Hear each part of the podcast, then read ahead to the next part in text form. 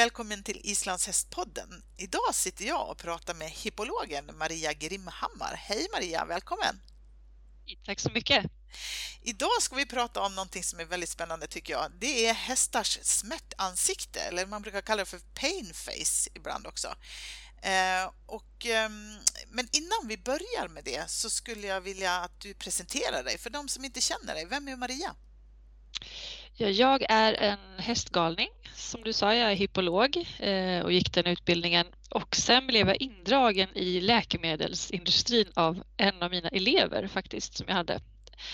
Eh, så att sedan 13 år tillbaka så är jag på ett företag som heter Böringer Ingelheim. Mm. Ett tyskt läkemedelsföretag och där jobbar jag just nu bara med hästläkemedel. Okay. Och eh, både på smådjur och på häst så är ju smärtlindring en stor del av vårt företag för vi jobbar med smärtlindrande och antiinflammatoriska preparat.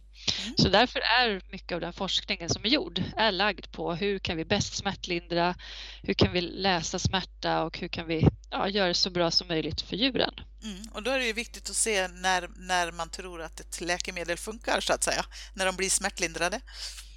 Absolut, och eh, eftersom djur inte kan prata då som vi så måste vi lära oss alla tecken. Och det är något som forskningen har lagt väldigt mycket resurser på de senaste åren på alla olika djurslag. Mm. Ja, vad spännande. Det sägs att hästar är bra på att läsa av varandras och människors ansikten. Stämmer det? Och hur vet man det?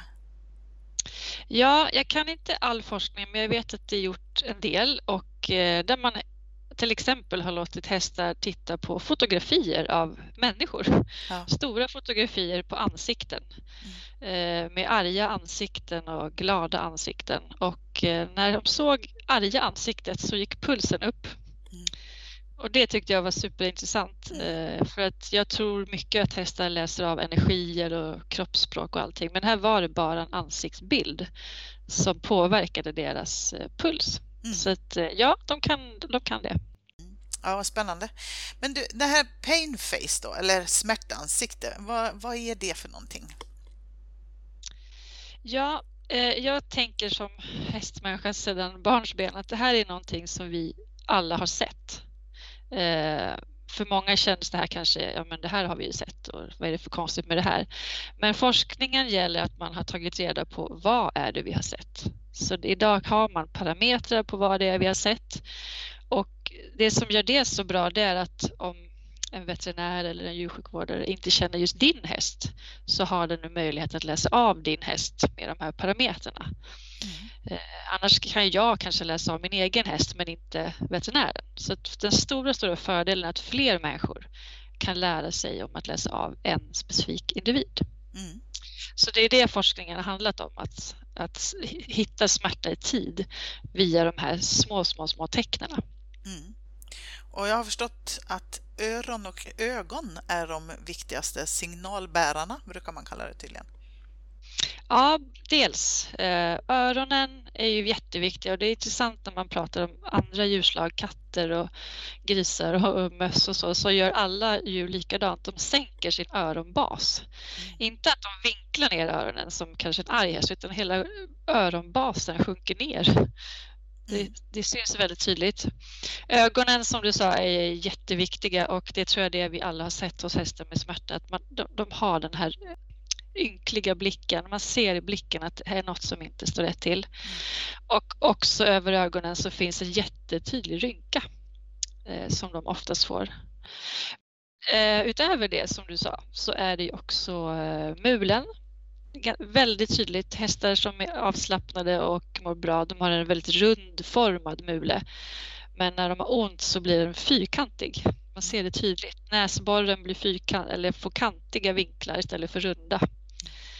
Och sen också att de spänner sina ganascher och käkar. Ungefär som när vi har ont i huvudet och spänner käkarna. Så kan, men det är lite svårare att se. Ja. Så att, eh, ögonen tycker jag och mulen är nästan det som de flesta djurägare tycker är lättast att läsa av. Mm. Så på det viset så kan man läsa av om en häst har ont genom att betrakta det här ansiktet så att säga. Eftersom smärtansiktet är i mång, många avsikter väldigt kantigt, kantiga mulor, kantiga rynkor, så kan man väl säga att hästen som njuter är tvärtom, där är allting väldigt runt och mm. mjukt. Mm. Eh, jag ser den där hästen och, framför mig som njuter när man kliar den med långa, ja. långa mulen. Så. Precis. Mm. Sen finns det ju andra sinnestillstånd som är väldigt svåra att skilja från pain face, till exempel en stressad häst. Ja, just det. Eh, så du har både stressade hästar kan ju absolut misstolkas för ett painface och tvärtom. Mm. Men också, och också hästar som sover eller vilar har ju helt andra ansiktsuttryck. Så att man måste öva lite för att se skillnad på de olika sinnestillstånden. Mm. Precis. Um, vi pratade om lite spännande tips uh, just i och med att hästarna läser av varandras ansikten. Du pratade om det här med flughuva, kan du berätta om det?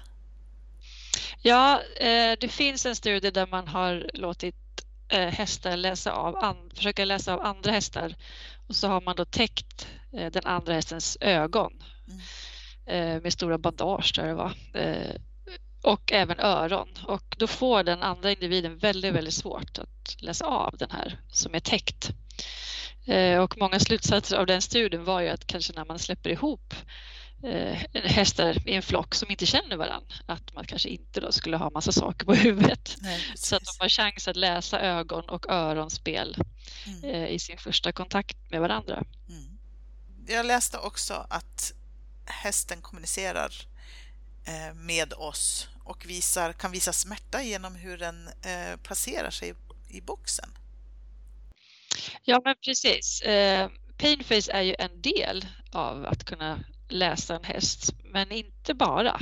Utan det du berättar här, det är jätteviktigt att se hästen i sitt sammanhang. Och just det här med placering i box är en parameter som finns med till exempel när man mäter hästar hos kliniker och sådär. Så en häst som står med huvudet in i hörnet och inte vill komma till dig, när man öppnar en boxdörr så, så tycker jag att de flesta hästar de söker kontakt. Och står de med huvudet långt ner i marken och vill inte vända på sig, då skulle jag reagera i alla fall. Och eh, just det här att de kommer fram till dig och vill vara där du är, det, det gör nästan alla hästar. Mm. Det är så viktigt här att lära känna sin egen häst, mm. tycker jag. Det, det, är det absolut viktigaste take home message. Att ja, men min häst står alltid så. Ja, men då är det väl ingen, då är det väl ingen fara. Mm. Men det är just när det avviker, då tycker jag man ska reagera. Och hur den placerar sina ben att den eh, står och vilar på ett ben extremt mycket tillsammans med ett painface eller står den och tittar på någon kroppsdel tillsammans med ett painface, då skulle jag ta kontakt med en veterinär kanske. Mm, precis. Eh, man kan ju mäta andningsfrekvens och hjärtfrekvens, tänker jag, eh, och upptäcka smärta hos häst. Är är inte det ett säkrare sätt att göra det på än att försöka tolka deras ansiktsuttryck? Det är faktiskt tvärtom. Mm. Eh, I studier som fanns eh, innan Painface där man eh, vill mäta smärta efter operationer eller så, då har man alltid använt sig av hjärtfrekvens och andningsfrekvens. Men det anses faktiskt ganska trubbigt just för att stress är en så stor del av smärta också. De får stress i miljön, de kan vara stress på ett sjukhus eller, i, eller någonting. Så därför är Painface nu mycket mer använt och just det här placering i box eh, om de vill ta mat som man erbjuder dem. Om de inte vill det så är det också ett tecken. Eh, så att ja, det används absolut, men inte bara, för det säger långt ifrån allt. Mm, så pain face och den här nya kunskapen, det är det som används mer i studieväg i alla fall. Ja, just det. Mm. Eh, är det olika på olika hästraser, tänker jag, hur de hur man kan tolka av pain, pain face eller, eller så? Alltså studierna som jag känner till på just pain face, de är gjorda på vanliga, vanliga halvblodshästar. Mm. Så jag, jag vet, mig veterligen så vet jag inte att man har tittat på raser. Nej. Eh, men om jag tänker på alla veterinärer som jag träffar i mitt arbete så, så är man ganska ense om att just islandshästen är en sån häst som är duktig på att dölja sin smärta. Precis. Och därför känns det kanske extra viktigt att man lär in just sin häst. Mm.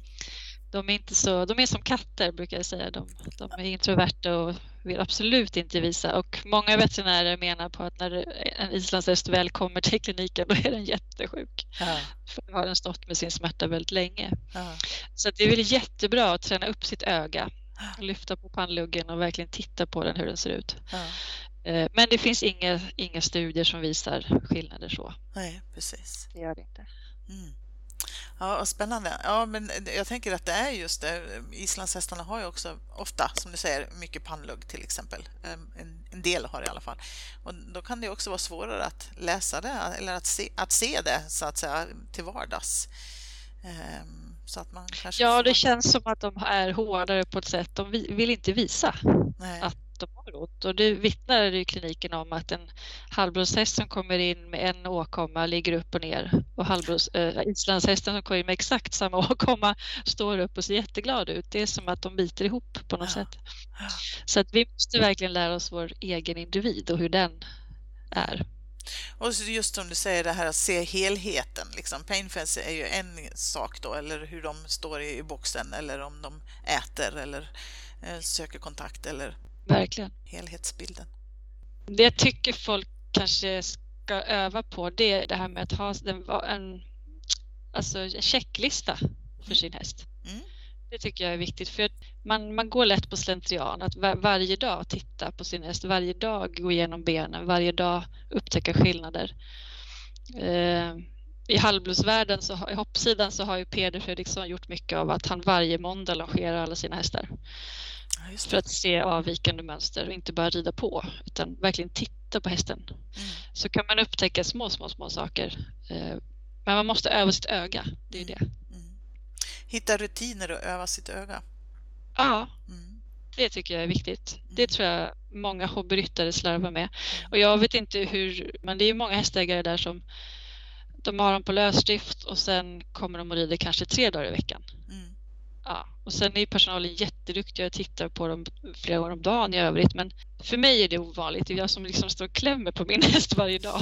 Ja, just det. Så tänker jag det är viktigt att man verkligen liksom lär sig att se under pälsen också vad det är. Mm, verkligen. Vi har en hemsida som heter långthästliv.se och den är från början gjord för att utbilda alla som har gamla hästar. Så det står väldigt mycket om den gamla hästens sjukdomar där.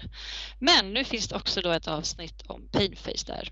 Eh, så där kan man gå in och eh, öva sig själv, titta på filmer och lära sig att skåra sin häst för att öva sitt öga. Så den rekommenderar jag gärna. Absolut.